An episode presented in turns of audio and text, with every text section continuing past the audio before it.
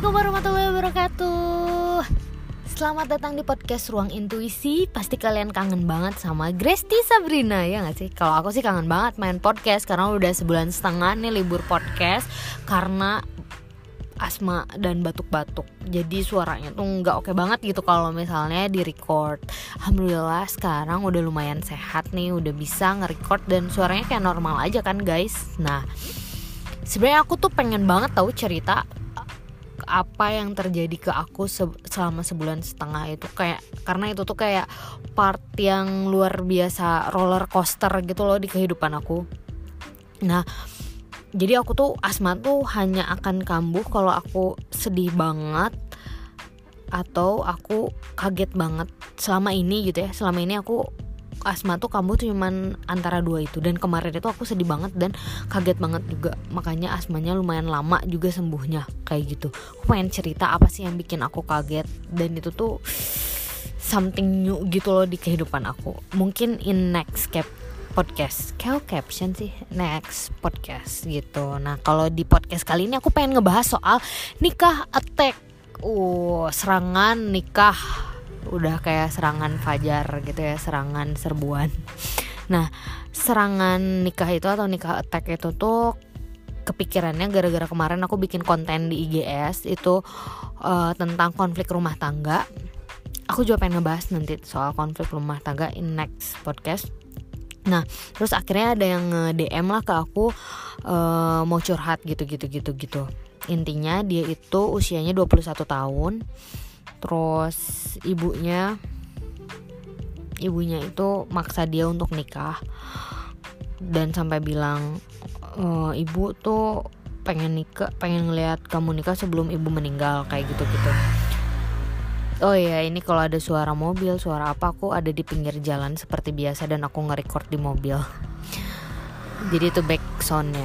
Nah terus udah kayak gitu dia itu uh, Galau gitu kan. Dia tuh bukan bukan kayak Dianya nggak mau nikah enggak Dianya juga pengen nikah juga sama. Cuman emang jodohnya tuh belum datang gitu emang ada gitu fase di mana kita teh mungkin untuk sebagian orang dan salah satunya aku ada fase di mana kita itu bener-bener kayak di attack gitu loh sama nikah. Entah itu dari keluarga dari sosial dari pertemanan ya itu maksudnya sosial. Terus dari keluarga besar dari diri kita sendiri juga udah pengen nikah. Pokoknya banyak banget gitu faktor yang bikin kita tuh kayak oh pengen nikah pengen nikah pengen nikah tapi nggak bisa bisa gitu e, misalnya ada juga yang udah dijodohin misalnya sama orang tua gagal taaruf berkali-kali gagal. Terus apa lagi? Uh, deket sama itu ini ini nyoba nyoba nembak ke cowoknya. Maksudnya kayak taarufin orang tapi kitanya yang nembak juga gagal kayak gitu gitu ya. Banyak banget ya kisah orang-orang yang gagal di fase-fase itu.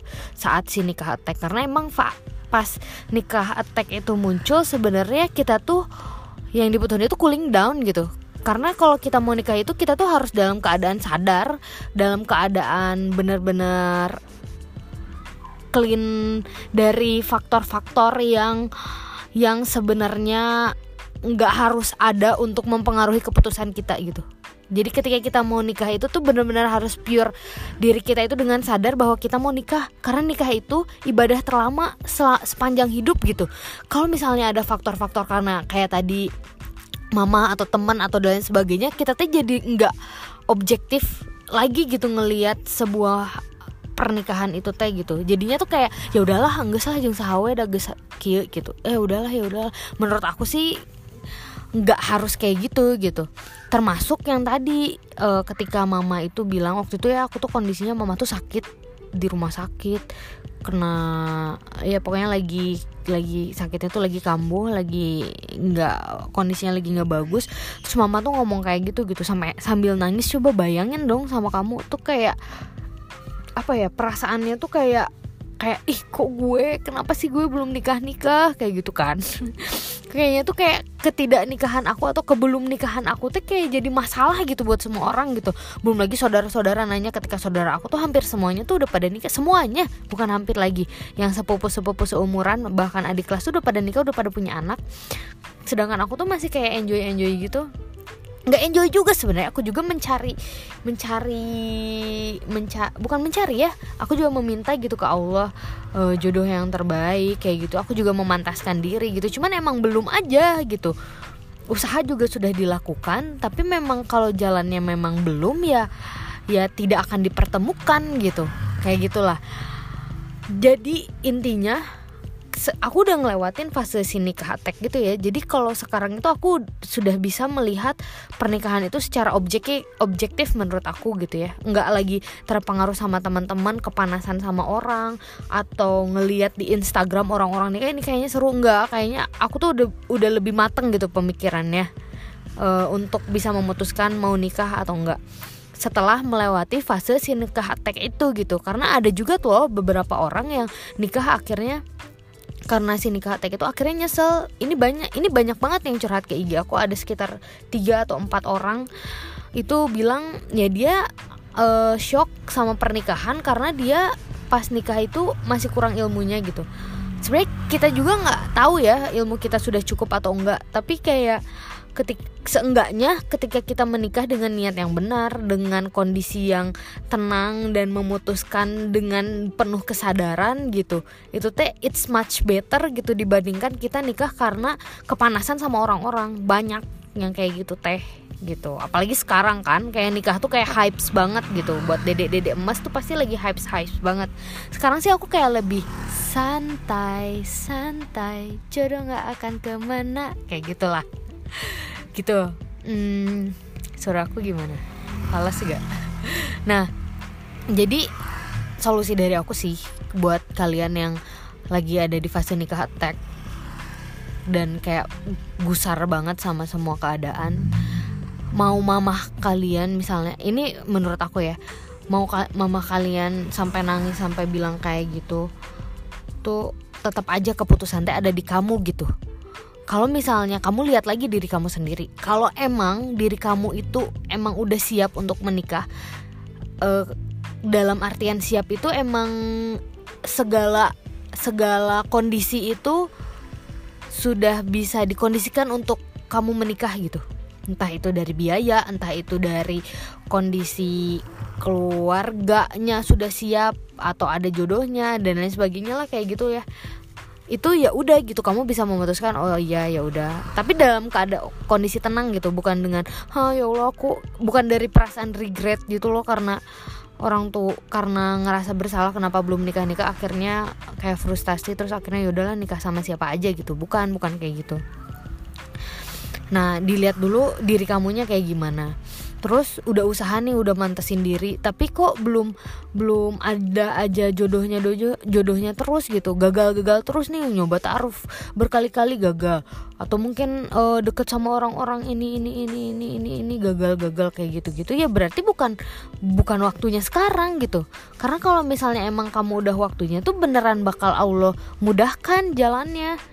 Emang itu jalannya gitu gak perlu kamu maksa-maksa juga tuh itu tuh akan terkondisikan seperti itu gitu. Jadi kalau misalnya belum artinya ya emang jangan dulu jangan dulu riweh gitu. Gimana ya susah.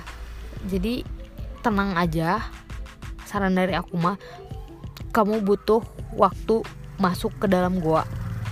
Masuk ke dalam gua tuh kayak nenangin diri nenangin pikiran hilangkan semua perasaan-perasaan gak enak. Hilangkan semua perasaan-perasaan kepanasan sama orang dan sebagainya. Bener-bener lihat diri kamu sendiri pure diri kamu sendiri dan minta ke Allah gitu ya. Lihat kayak gimana sih sebenarnya? Sebenarnya apa sih yang sebenarnya kamu rasain? Apakah iya kamu tuh betul-betul butuh nikah? Bukan ingin ya butuh nikah sekarang.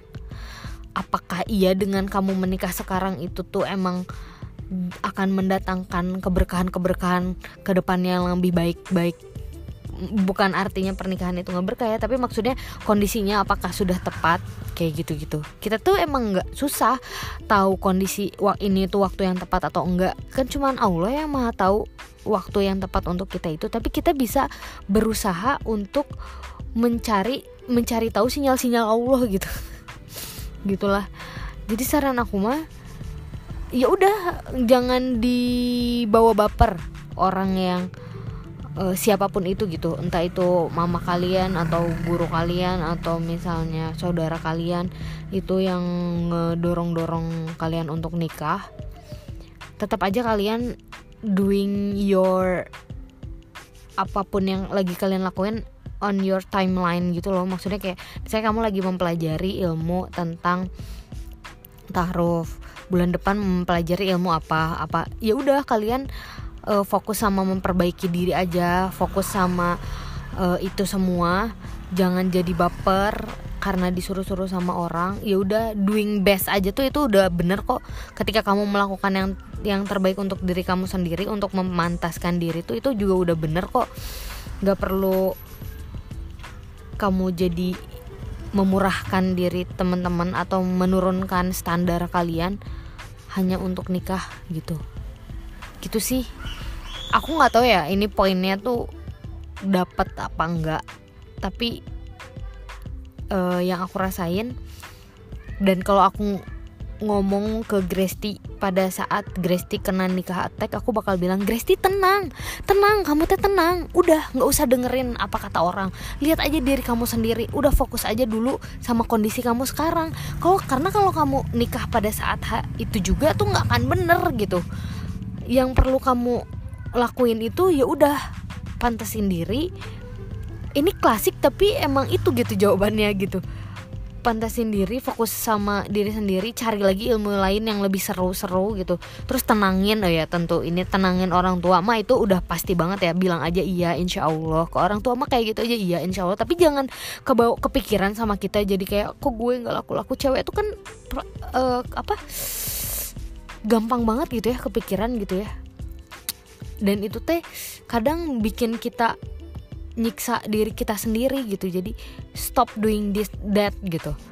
Aku tuh kalau misalnya bisa ngomong ke Grace yang dulu aku tuh bakal ngelarang Grace jangan lakuin itu Grace jangan lakuin itu Grace jangan lakuin itu. Tenang aja Grace jangan lakuin ini jangan lakuin ini. Kayak gitu. Karena sekarang aku udah tahu gitu oh ternyata kalau ngelakuin ini efeknya jadi apa ngelakuin ini efeknya jadi apa apa jadi apa kayak gitu. Gitu sih dan buat kalian yang lagi ada di fase nikah attack tenang. Mung, uh, aku nggak tahu sih ya yang lain ngerasain itu atau enggak tapi aku ngerasain itu juga kok. Jadi it's okay. Iya ya kan aku juga belum nikah. Tapi maksudnya aku sekarang belum nikah dalam keadaan tenang gitu. Nggak belum nikah dalam keadaan gusar gitu. Nggak jomblo yang gusar. Tapi sekarang tuh kayak jomblo yang bahagia jomblo yang tenang gitu. Jomblo yang juga merindukan surga gitu. Kenapa sih Iya pokoknya nggak jomblo pika sedihin gitu sekarang tuh alhamdulillah. Itu sih jadi ya udah santai aja fokus aja sama diri kamu sendiri. Saat kamu emang udah siap nanti akan Allah pertemukan gitu. Jangan sampai nanti Allah tuh pertemukan dan kondisi kamunya teh ternyata belum dipantaskan gitu belum siap gitu. Belum menyiapkan diri kamunya gitu. Kalau Pad tapi waktunya udah datang jodohnya udah datang dan itu tuh kayak jadi lebih struggling aja nanti kamu di rumah tangganya. Kita sih ya lebih tepatnya bukan kamu aja karena aku juga masih dalam proses pencarian. Penungguan deng. Kok mencari sih? Permintaan ke Allah untuk dipertemukan dengan akad gitu. Terima kasih untuk episode kali ini yang mungkin berantakan banget. Ini kayak aku marah-marah kali ya. Tapi aku kangen banget nge-podcast jadi apa pun yang terjadi dengan podcast ini aku akan tetap share. Thank you for listening. Hmm, aku lupa closingnya biasanya kayak gimana ya. Thank you for listening. Dari saudaramu Gresti Sabrina. Ya kayak gitu. Assalamualaikum warahmatullahi wabarakatuh